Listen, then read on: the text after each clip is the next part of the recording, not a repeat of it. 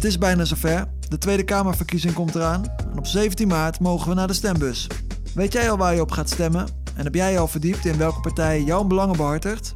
In deze podcastreeks ga ik aan de hand van een aantal stellingen de wensen en voorkeuren van mijn gasten verkennen. Ik wilde eigenlijk al mijn gasten bij elkaar hebben voor een enerverend debat, maar vanwege de maatregelen is dit niet mogelijk. Daarom spreek ik met alle gasten individueel, één op één. Deze podcast is een montage van die gesprekken.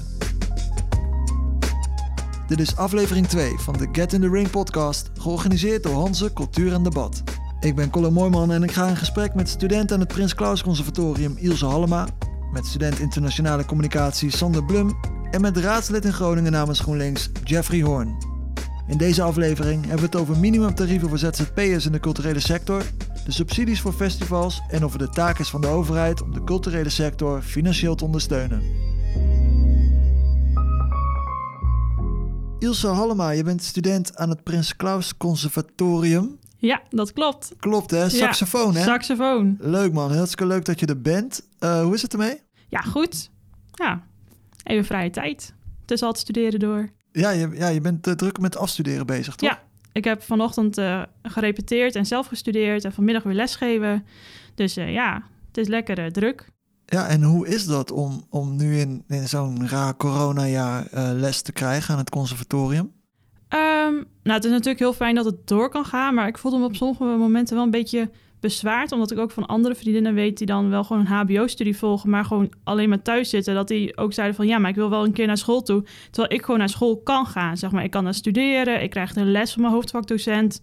Er gaan natuurlijk ook wel lessen online, maar omdat ik ook in mijn vierde jaar zit, heb ik gewoon veel minder lessen, omdat het echt gefocust is op het afstuderen.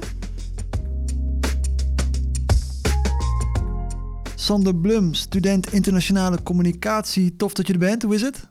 Helemaal goed, joh. Ja, gaat lekker? Heerlijk, heerlijk, ja. Mooi zo, mooi zo. Nou, mooi, mooi dat je er bent om met ons uh, mee te praten. Um, de verkiezingen staan voor de deur. Uh, leef jij daar ook op een, op een, bepaalde manier naartoe? Ik ben er wel mee bezig, ja. Ja, ik, uh, ik ben er wel degelijk mee bezig. zeker nu met corona is het natuurlijk... de, het politieke debat is natuurlijk gewoon heel erg actueel. En uh, ik denk dat het wel voor mij een verschil maakt, ja. Jeffrey van Hoorn, raadslid GroenLinks. Mm -hmm. Leuk dat je er bent, man. Ja, leuk om hier te zijn. Ja, mooi. Hoe is het? Uh, ja, goed. Ik ben uh, benieuwd. Ik heb dit nog nooit gedaan, dus ik ben... ik heb er wel zin in, eigenlijk. Ja, hartstikke goed, hartstikke goed. Het is een spannende periode natuurlijk zo vlak voor de verkiezingen. Jij, jij bent niet verkiesbaar voor de Tweede Kamer, maar mm -hmm. je bent wel, nou ja, raadslid, dus heel politiek betrokken. Wat, hoe, hoe, hoe leef jij naar die, uh, naar die 17 maart toe? Uh, veel Twitter checken, peilingen in de gaten houden. Um, en het is gewoon afwachten, want het is een hele rare campagnetijd ook nu natuurlijk. Normaal gesproken zit je echt in zo'n vibe qua drukte en je voelt die spanning opbouwen.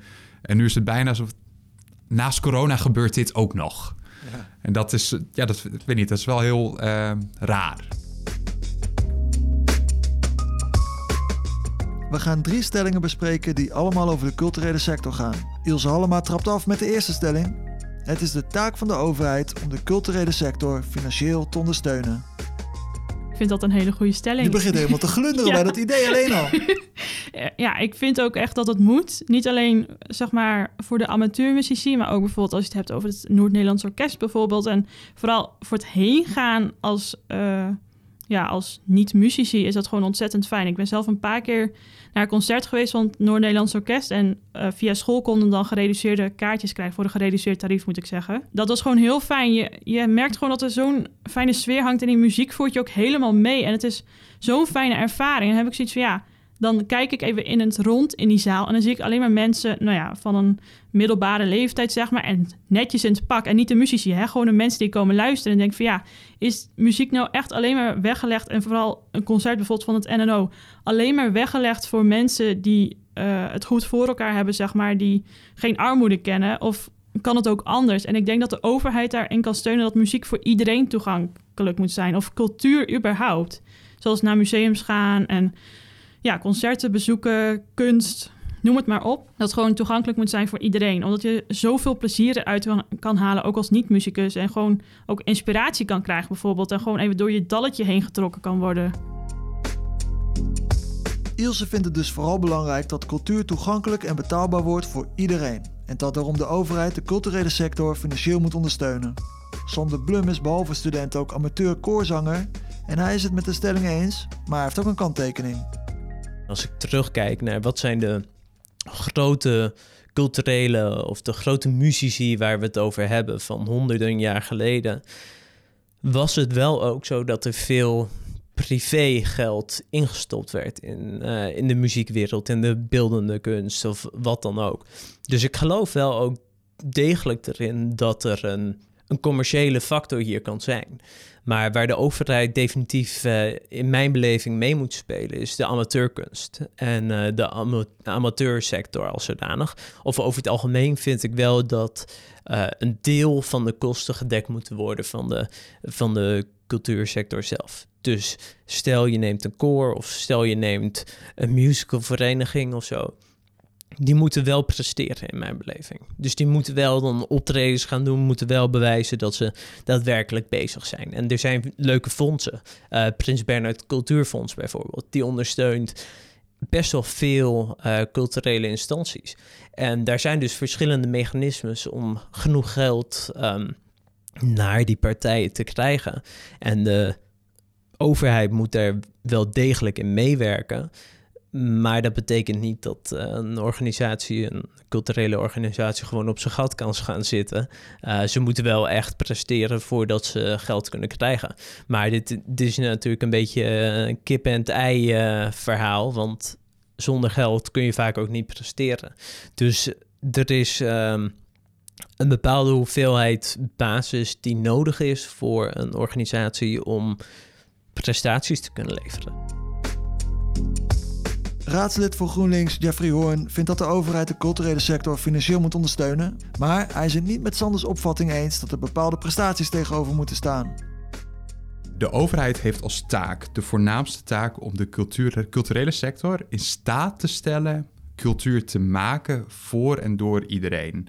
Tegelijkertijd moeten wij daar ook de culturele sector ruimte bij doen, bieden om dat te doen op een manier die zij goed achten. En dus ja, de overheid moet met name financieel ondersteunen en faciliteren dat het kan. Dus talentontwikkeling, broedplekken, innovatie, dat soort zaken. Alleen er niet keihard bovenop zetten van zo moet je doen, zo moet je doen. Want eigenlijk gaat het eigenlijk, het zegt het cultureel, cultuur is per definitie creatief. Dat moeten we faciliteren. En we moeten dat niet gaan uh, manipuleren door indicatoren, perverse prikkels en dat soort dingen. Dus ja, maar we moeten de manier waarop mag wel wat losser. Wat bedoel je daarmee met perverse prikkels en nou, indicatoren? Kijk, soms zie je nu bij, um, als er een subsidie wordt verleend bijvoorbeeld, daar staan uh, bepaalde eisen, voorwaarden tegenop, tegenover. Wat op zich prima is hoor, daar is niets mis mee.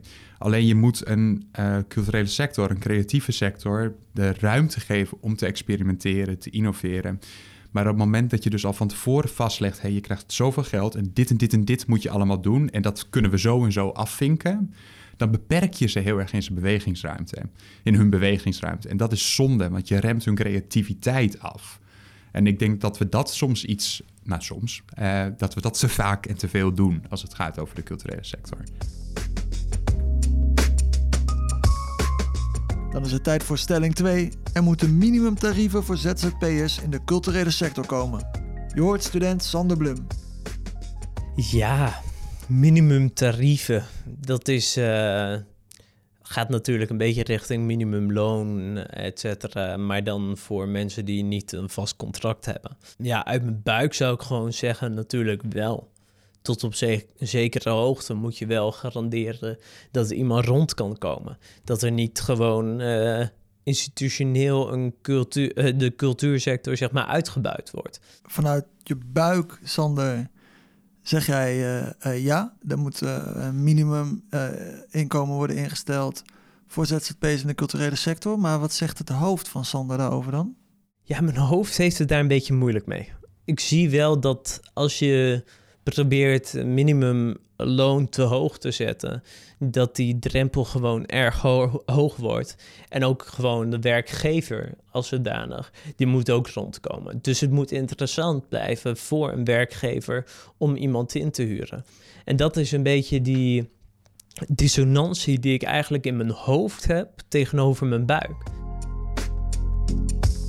Terwijl Sander er nog niet helemaal uit is of hij zijn hoofd of buik moet volgen, is het voor Ilse heel duidelijk. Ik heb zelf uh, als ZZP'er er natuurlijk ook ervaring mee.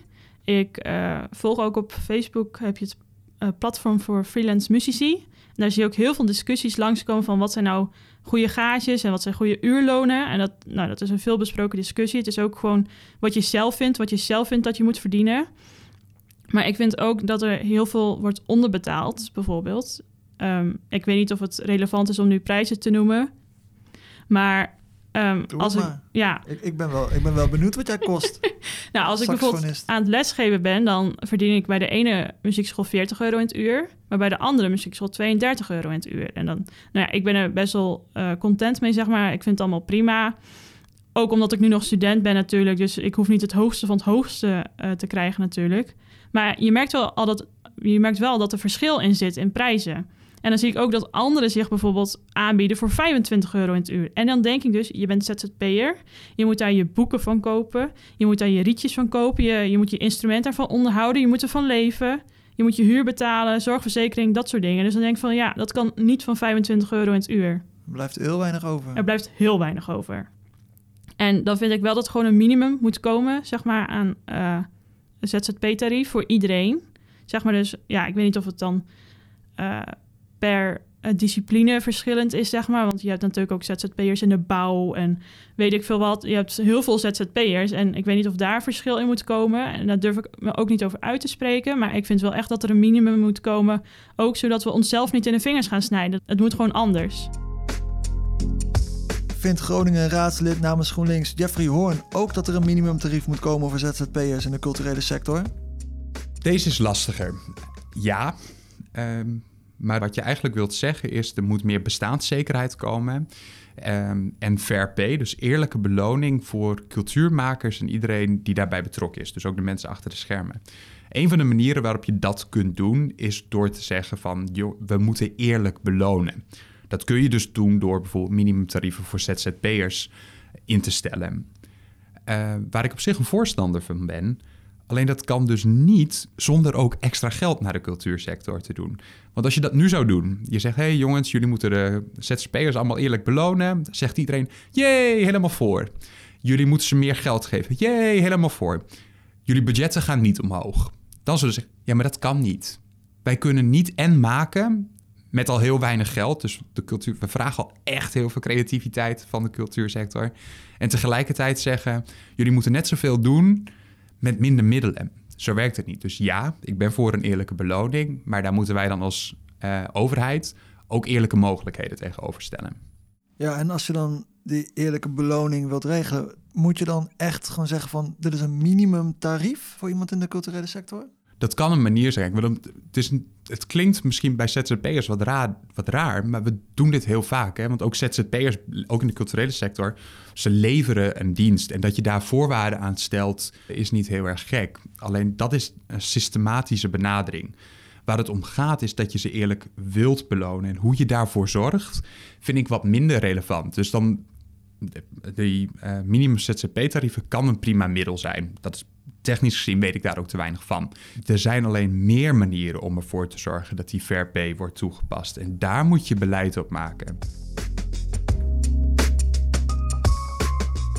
En dan alweer de laatste stelling van deze aflevering. Festivals moeten in 2021 en in 2022 zo nodig gesubsidieerd worden om ondanks eventuele coronaverliezen alsnog door te kunnen gaan.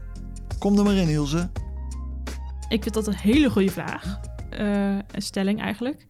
Um, ja, er zitten natuurlijk uh, twee kanten aan. Je kan je afvragen wat voor festivals zijn. Bijvoorbeeld echt suipfestivals. Ik ben zelf helemaal niet van het suipen, dus dat is misschien ook een beetje mijn kant van het verhaal, zeg maar. Maar um, zeker moeten festivals gesubsidieerd worden, ook door corona, zeg maar, om ze echt even over dat stapje heen te krijgen. Maar ik denk dat er wel rekening mee moet gehouden worden dat het niet uit de klauw moet lopen, dat ze geen miljoenen of miljarden krijgen. Ik, ik weet ook niet hoe duur zo'n festival is, zoals Lowlands bijvoorbeeld, of Pinkpop. Ik weet niet hoeveel subsidie daar überhaupt heen gaat op dit moment. Ik denk wel dat ze enige subsidie verdienen, maar dat het niet alleen maar uh, is om maar de drank daar te krijgen en het vuurwerkspektakel. Ik denk dat ze ook zelf een reserve op moeten bouwen. Net zoals wij als ZZP'ers bijvoorbeeld, maar dat ze zelf een reserve op moeten bouwen om het door te kunnen laten gaan. Want dat is eigenlijk ook met een bedrijf bijvoorbeeld. Je ziet nu heel veel restaurants ook omvallen. En die krijgen ook niet genoeg subsidie. Maar dan weet je ook gewoon, oké, hun hebben niet genoeg kunnen sparen of ze bestaan nog maar net. En ja, dan val je om. En ik denk dat je als festival er ook mee rekening moet houden dat je gewoon een, een buffer hebt, zeg maar, voor dit soort situaties. Ja, corona is natuurlijk wel echt uitzonderlijk, maar dat je wel een goede buffer hebt voor uitzonderlijke situaties. Dus Ja, ja. Dus moeten we nou wel of niet die Ja. festivals gaan subsidiëren om door te kunnen gaan eh, Ja. dit en volgend jaar? Ze moeten wel gesubsidieerd worden, maar niet voluit. Maar het moet natuurlijk wel door kunnen gaan, want het is gewoon iets waar mensen heen gaan. Er gaan zoveel mensen heen, dat kun je niet, niet subsidiëren. Maar ja, je hebt ook gewoon andere dingen. En dan denk ik ook een beetje van ja, het is ook soms een kans voor andere ondernemers om juist weer iets nieuws te creëren als het andere omvalt. Dus als je een heel klein festivalletje ergens hebt en het valt om, dat is ook weer een kans voor andere ondernemers om er een ander festival of een soort gelijk festival neer te zetten met een andere invalshoek, zeg maar. Want als een klein festival niet voort kan bestaan, dan is het misschien ook niet goed draaiend genoeg geweest. Ja, misschien moet je ook wel per eh, festival gaan kijken. Wat is het collectieve nut? Of eh, ik weet niet zo goed hoe ik het moet zeggen, maar wat hebben mensen hier echt aan en wat halen mensen hier echt uit? Ilse vindt dus dat de overheid niet alles in leven kan houden, maar dat je kritisch naar elk festival moet kijken. Ook Sander vindt dat je niet alles kunt redden, maar hij vindt wel dat er aandacht moet zijn voor het belang van festivals. Ik ben persoonlijk geen festivalganger. Dat zal ik eh, even vooruit eh, gooien. Ik ben natuurlijk wel op festivals geweest, dat, eh, en dat terzijde. En bijvoorbeeld zoiets als Kingsland hier in Groningen. Ja. Ja, dat, dat is natuurlijk fantastisch. En dat hebben ze rond de- het hele land. En ja, dat, dat moet je niet willen missen natuurlijk eigenlijk.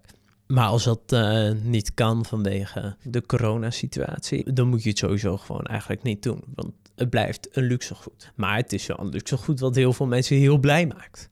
En daar moet je in mijn beleving wel echt aandacht aan besteden. Volgens mij zijn dat gewoon gigantische organisaties die dit soort festivals organiseren. Dus ja, ik weet niet of ze nou zo bizar veel ehm, financiële dingen nodig hebben, steun nodig hebben. Maar ik kan me wel voorstellen dat het eh, belangrijk is om een pakket klaar te hebben liggen om niet die hele industrie op zijn gat te laten gaan. Je gaat altijd, je gaat altijd organisaties hebben die het niet, eh, niet halen. En dat heb je of nou corona is of niet. Het spijt me ook een beetje om te zeggen, want het is weer een soort van onmoreel iets eh, om te zeggen. En het, het wordt niet echt gewaardeerd als ik dit soort uitingen maak meestal. Maar zo voel ik daar wel over. In, eh, in business, in gewoon in ondernemerschap, weet je als je begint aan een onderneming dat het mis kan gaan. Je, je loopt bepaalde risico's. En juist omdat je risico's hebt, kun je veel geld verdienen. Dus je kunt niet iedereen gaan redden. Maar ik denk wel dat je als overheid bewust ervan moet zijn dat deze sector of dit soort evenementen zoals festivals gewoon heel veel plezier, heel veel ehm, creatieve outlet voor heel veel mensen zijn. En wat vindt GroenLinks-raadslid Jeffrey Hoorn ervan? Moeten festivals de komende tijd gesubsidieerd worden om door te kunnen gaan? Als daar ruimte toe is binnen de corona-omstandigheden om door te gaan en de financiën de belemmering zijn om het te doen, ja, dat, dat is onderdeel van eh, het in stand houden van de cultuursector en niet verloren laten gaan wat je door de jaren heen hebt opgebouwd. Kijk naar eh, Eurosonic, eh, Amsterdam Dance Event. Het is een allerlei. Als het stel je voor dat het weer kan, maar financieel kan het niet uit, zou het zo zonde zijn om dat verloren te laten gaan. Zowel voor ons, voor, voor de mensen die er naartoe kunnen, maar ook vooral voor de makers en iedereen die daarbij betrokken is. Van de week, Raad van Cultuur, zoiets in die trant, kwam er ook mee. Het zal vijf jaar duren voordat de cultuursector in zijn geheel, eh, als corona weg is, weer is opgebouwd. En daar moeten wij als overheid ze flink bij helpen. Dat is ook helemaal niet erg, dat is juist goed, want op die manier helpen wij onszelf. Zij hebben iets fantastisch opgebouwd, eh, waar ze jaren voor gewerkt hebben, wat nu keihard is neergezabeld. Zodra het weer kan, moeten wij ze helpen om dat zo snel mogelijk weer te doen. En geld moet daarbij eh, geen belemmering zijn. Daar zijn, hebben wij gewoon als overheid een taak om het normale leven zo snel mogelijk weer op gang te laten komen. En kunst en cultuur is daar een heel belangrijk onderdeel van. Dus festivals ook. Sander, hoe belangrijk is het voor, voor studenten, voor, voor jouw generatie, om, ja, om zich toch bewust te zijn van wat er in de politiek speelt? In het Duits, ik ben half Duits, is er een woord dat heet Meinungsbildung. Er zijn dus twee delen van het woord. Je hebt Meinung, dat betekent gewoon je eigen mening hebben. En dan heb je Bildung, eh, dat is je opleiding als zodanig. In dat woord zit gewoon dat als je mening wilt hebben, dan zou je op moeten leiden in een bepaald vak. Dus zorg ervoor, als je nou uh, eh, 17 maart hopelijk gaat stemmen. En als niet, dan ja, vind ik dat toch echt wel best wel kinderachtig in een democratie als je dat gewoon niet doet. Dus zorg er gewoon voor dat je fatsoenlijk leest wat dit jaar de partijen ook zo gewoon doen en willen doen en wat ze beloven. Want alleen dan kun je een goede, uh, goede mening hebben. Nou, met deze mooie tip kunnen we hem afsluiten. Sander, dankjewel. En dank jij wel, Colin.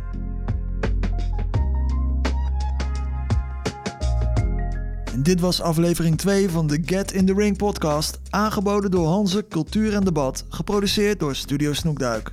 Check meer podcasts over de verkiezingen op dit kanaal. In de volgende aflevering hebben we het over jouw toekomst op het gebied van energie en wonen. Ik ben Colin Mooijman, bedankt voor het luisteren en tot de volgende keer.